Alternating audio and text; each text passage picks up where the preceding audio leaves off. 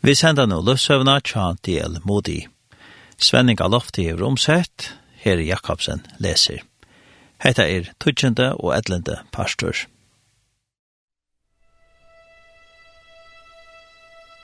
Heimskjende amerikanske pratikumæveren Dwight L. Moody var føtter nærende spøynen Boston og i staten Massachusetts i 1836 og antaist i 1895.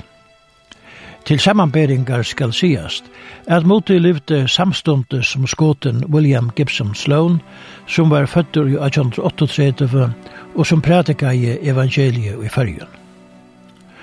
Havast Dwight L. Moti andaist einans 22 år gammal, hei han prædika fyrir mannfjöldun og i taltu meir enn 100 millioner, nekv meira enn nekar annar ta av døvun. Hesjen vi er kjente og virte evangelium båbere, bæra en loande andans eld i barme søgnen, etter at leie menneskje til Kristus, etter at han nøytjan er gammal var omvendur. Han var ikkje einans kjentur i Amerika, men eisni i Europa, særstaklig i Ånglandet og Skottland. Miskais og Lusverst søgnen sier mot i, Versk mot kjennes størrbærare nu enn nekranti avur. Akvar en frøye at vera vi og i hesson innhestinga verskje fyrir herran.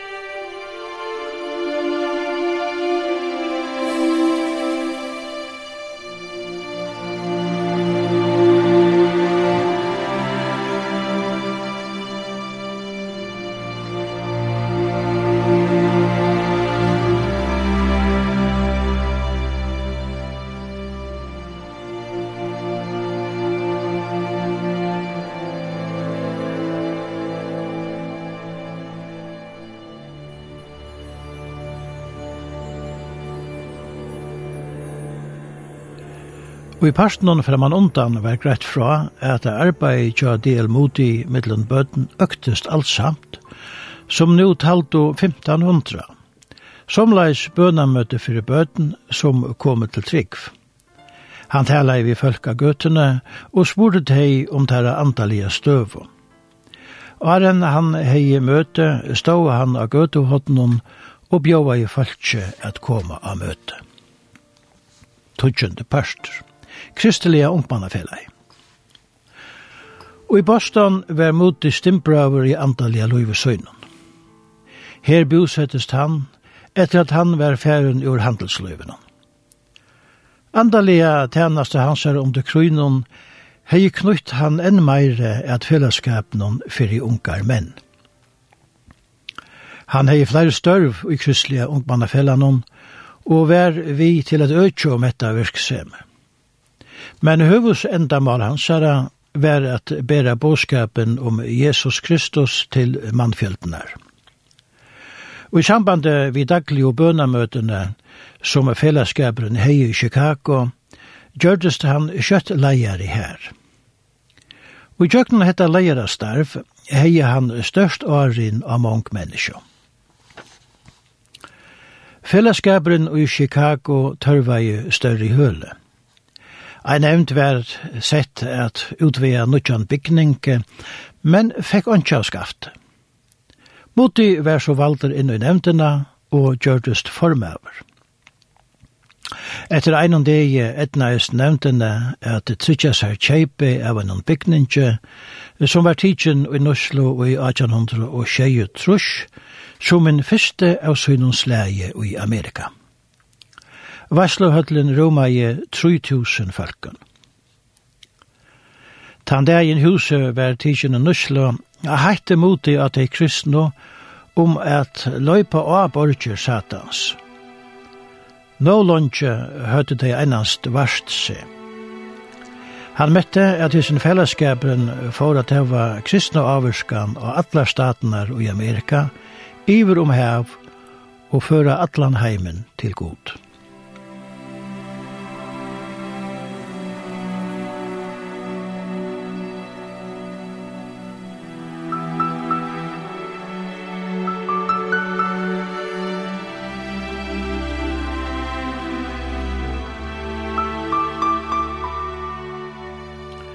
Fyra måneder etter brandbygningeren og i grunn, og han var ikkje nå vel trittjavur.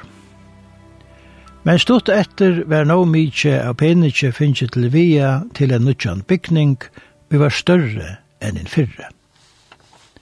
Men eisen i hesen bygninger brann i grund. Hette hendte ut i store eldenon som herja i Chicago i 1871. Ein okkur bygninger var enn eina fyrir restur, større og prøyeligare enn hinner fyrra. Ta var det ikkje bygningarnir edla peningen vi måtte hugsa i så negv om, men heldur salenar, som gjøgnon verskje og i hesson bygningi skulle vera leddar inn i luftsamband vi god. Anten virka i så i løyvnun tja moti at alt det antallige virk som rundan om han virka i under einon antaljen hatruste, som han vikjante malbærse. Heian var antallige båskaberen og gerandes hjelp veit mongon tørvande menneskjon i bøynon.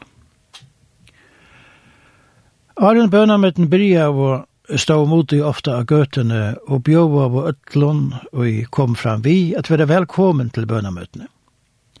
Han nøyte samstundes høve at boateimen hitt einfalda evangelium. Biblian var alltid tidsin fram. Ikkje einans av evangeliskon funton, men eisen ja nevntar fundun, ta i han skulde se nekka.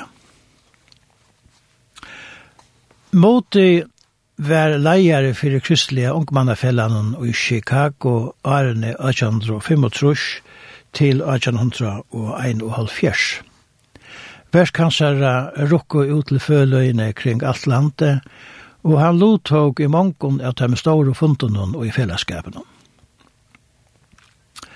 Det var av einen av hesson fundene at Moti og Eira de Sanki fyrir fyrst og fyr hittost. Sanki hei hørst og Moti, men kjente han ikke. Vi endan av en av hesson fundun var kundgjørst at moti skulle skipa fyrir en bønamøte morgunan etter klokkan 6 og en samkom og høle her nærhendes. Og i byrjan av bønamøten var en sanker givin ut, men hessin sankeren tjekk ytla. Ute vid dittnar sett en mævur og i var kommet nekka sant. Tan og i sett under lien i honom teskai til Sanki og be han byrja onkran sank. Sanki treiv i at sinja sankin. Ta er en kjelta fyllt vi blå ur Jesu akron rann, og syndaren og i Jesu flå fra ötlun rensast kan. Ta tjekk sankeren vel, og ötl samkoman sank vi. Møte brøttest, og hagre flå kom iver møte. Etter bønamøte kom Moti til Sanki og spurte hva han kjørte og hva han boe. Så gjerne sier Moti at syns er stakk og hatt og avgjørte hatt. Tiden vil han nødt til å gjevast vi arbeidet her. Tiden er maveren som jeg har leidt etter i mange år. Tiden må komme til Chicago og hjelpe meg. Sanki gjørtest begge bilsen og offeren. Men sier vi mot det at han kunne ikke beina veien djevast ved handelskapen, men gav lyfti om at han skulle bia god rådgjeva sær og i hesson male. Sætni om dagen fekk Sanki eina halsan fra moti om at hitta han og en gøtehodden i bøynon, at hjelpe honom ved en utemøte. Sanki sier at han skulle komme. Om kvölde får Sanki her saman vi tvei måneder vi måneden, Sanki greier såleis fra hesson utemøte. Moti landi i en stor trækassa og gjennom handle, sette han av gøtehottene og bær meg fære opp og han har synsja. Jeg så gjørte, og sank sanjen, skal jeg en krossens strusmavur som liv og frelse vann, vi Jesu navn nu skamma meg og kjennast ei vi han. Hetta var just om ta munte ta i arbeidsmenn våra veheim etter arbeidslåg, og kjøtt lusta i mykjel fjöld av fölkje. Ta i hei sunnje formot jeg tala. Jeg kan ikkje minnast med heva hårst nekran tala vi slukare kraft. Folk ståe som eld, tydelige rørt medan til lurta av. Mengur sliten knikve smøkte skundeslega enn tare borster ur egna krautjana. Ta imot i hei tala 25 minutter, enda i han via bia eina stutta bøn, og seie at møte helt fram i eina tonleikahøll nærhendes. Medan vi kinka, åtta og sunko hittast vid her flowen flytur, kom öll henta stóra mannfjölden som pura hei glömt at færa heim at han åkom, og fyllte hessa risehøttelna til seinasta sess. Modi kipa i så fire at allir arbeidsmennene sluppa a seta seg, og så får han oppa telarapallen. Her var tala vi som kraft som av utifundene.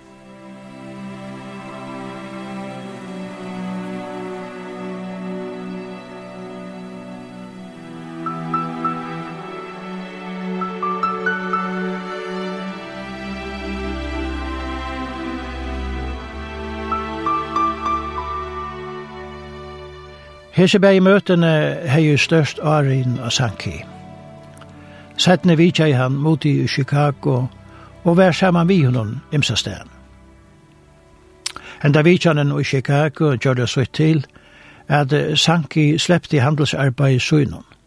Han flyttet til Chicago fyrir at han galut i antallige arbeid i samkommene og i særstega verskjennom medan tar unge mennene og øren arbeid i hessons samband. Såleis byrja jeg samarbeid med den hessar boar åtta menn. Og i 30 år tala jeg mot jo sank i sank for gjennom 100 millioner folkon i Amerika og Europa og lette at han hatt 20.000 tals saler til trygg av Kristus. Moti var 33 år og sank i 30 år, tøyder hittost, og saman virka og tær til moti døye i 1890 Medan Mutti var skrivare i kristelige ungmannafellene i Chicago, var størst arbeidsløse, og Monk vendte seg til fellesskapen om hjelp. Han helt at de åtte ikke einast er djeva til mat, men eisen er at utvida teimen se og brenne. Ta i kom til hans herre og be om hjelp, spørte han, hvor jeg arbeider du ikke? Jeg får jo ikke arbeid. Er det til reier at gjøre et kvart arbeid? Ja, alt arbeid. Er det til til reier at færre ut av gøtene at arbeid? Ja. Vil jeg til se brenne? Ja. Så bare tar tre og se ut av gøtene, og maveren kom til å begynne på veien. Jeg tar Janko spurte hva i rad en skal djeva en arbeidslesen sverre i han.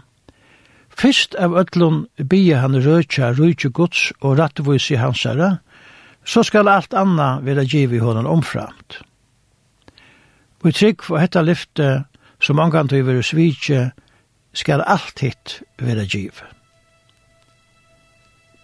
Så gjerne, bia god om arbeid, at det var tål i røndartøyene, røyna søkt utarsta at få arbeid, at hekka vi einan og kvarjun heilige starv vi en kan få, og at letja seg etter at vera spæren.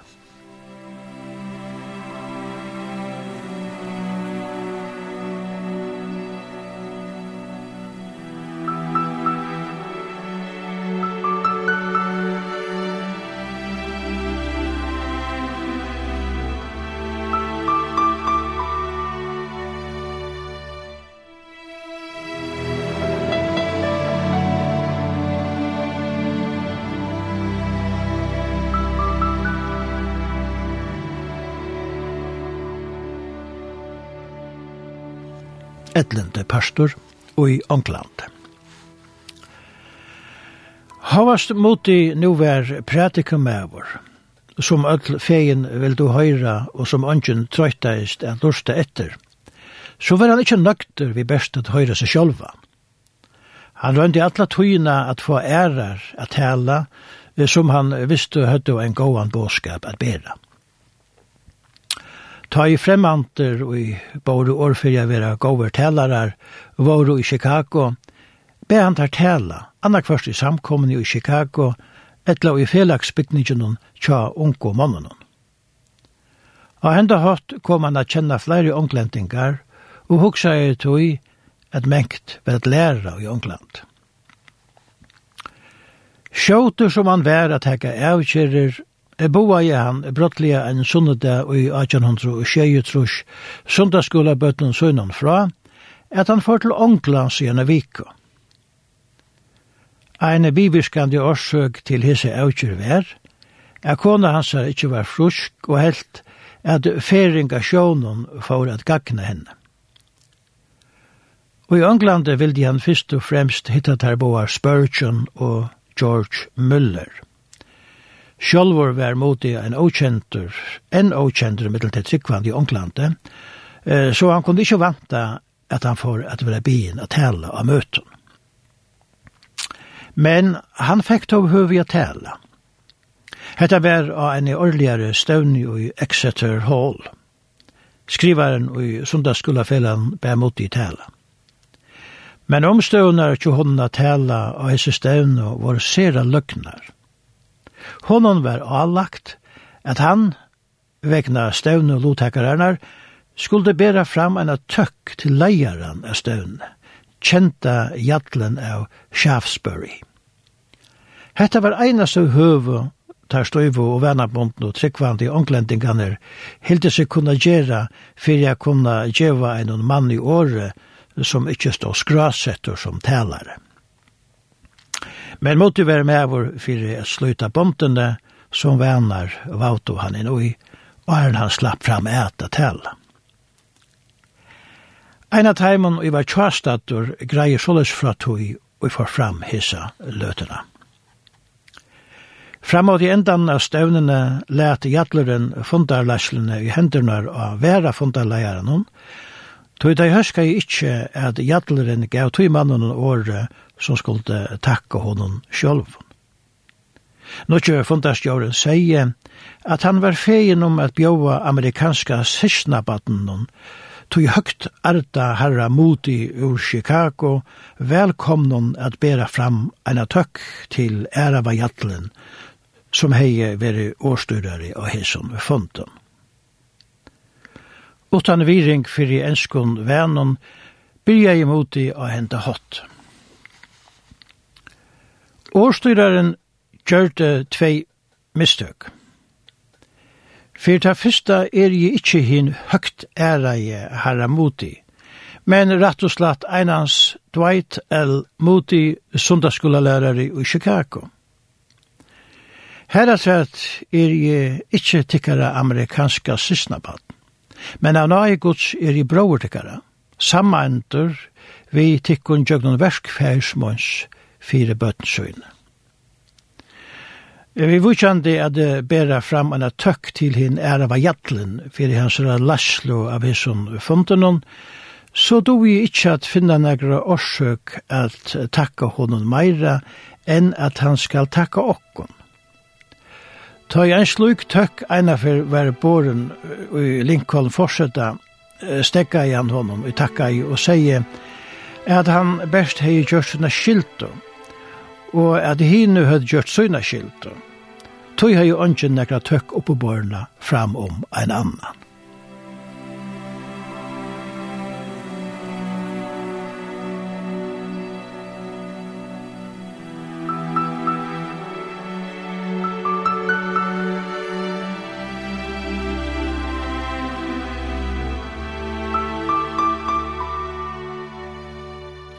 Hesse pura ovant av år motis tok ensko ahararar fullkomlig av bål.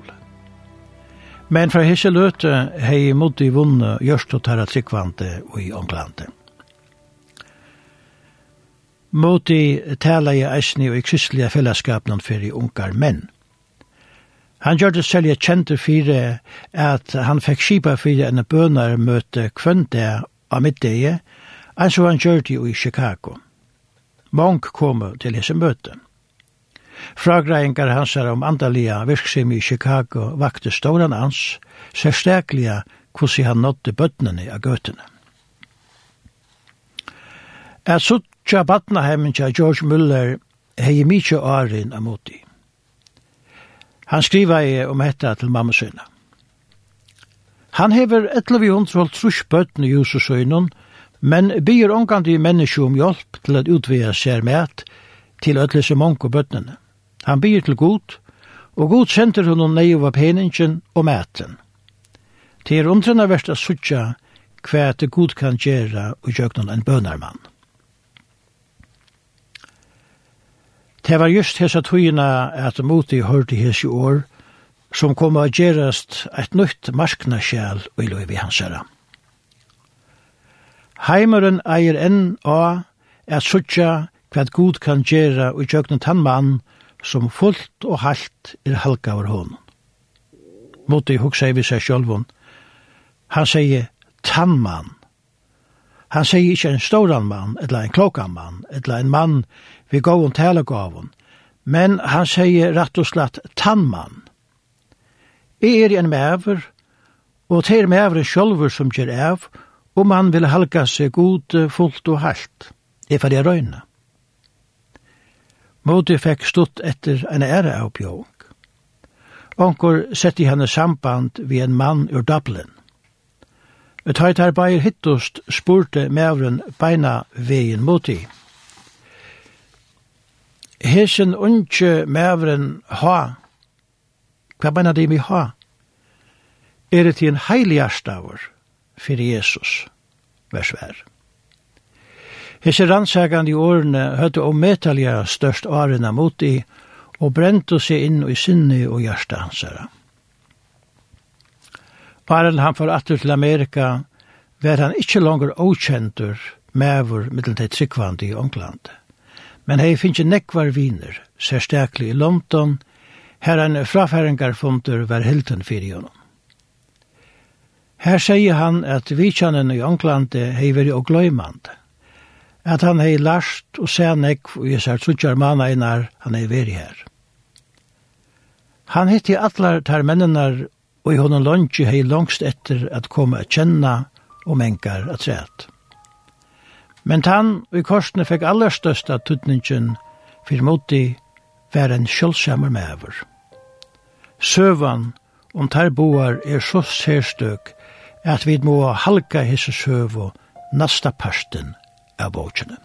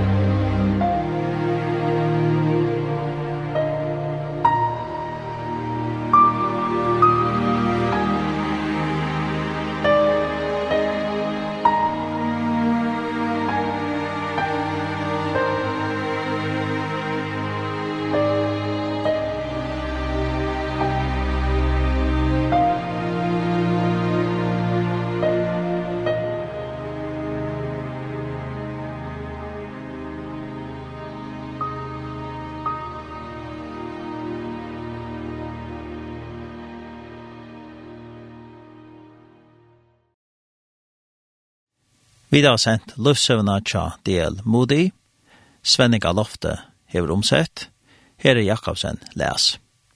Hetta var tøtjende og etlente pastor. Hesen pastor og ære pastor kunne høyrast av heimasynet linden.få.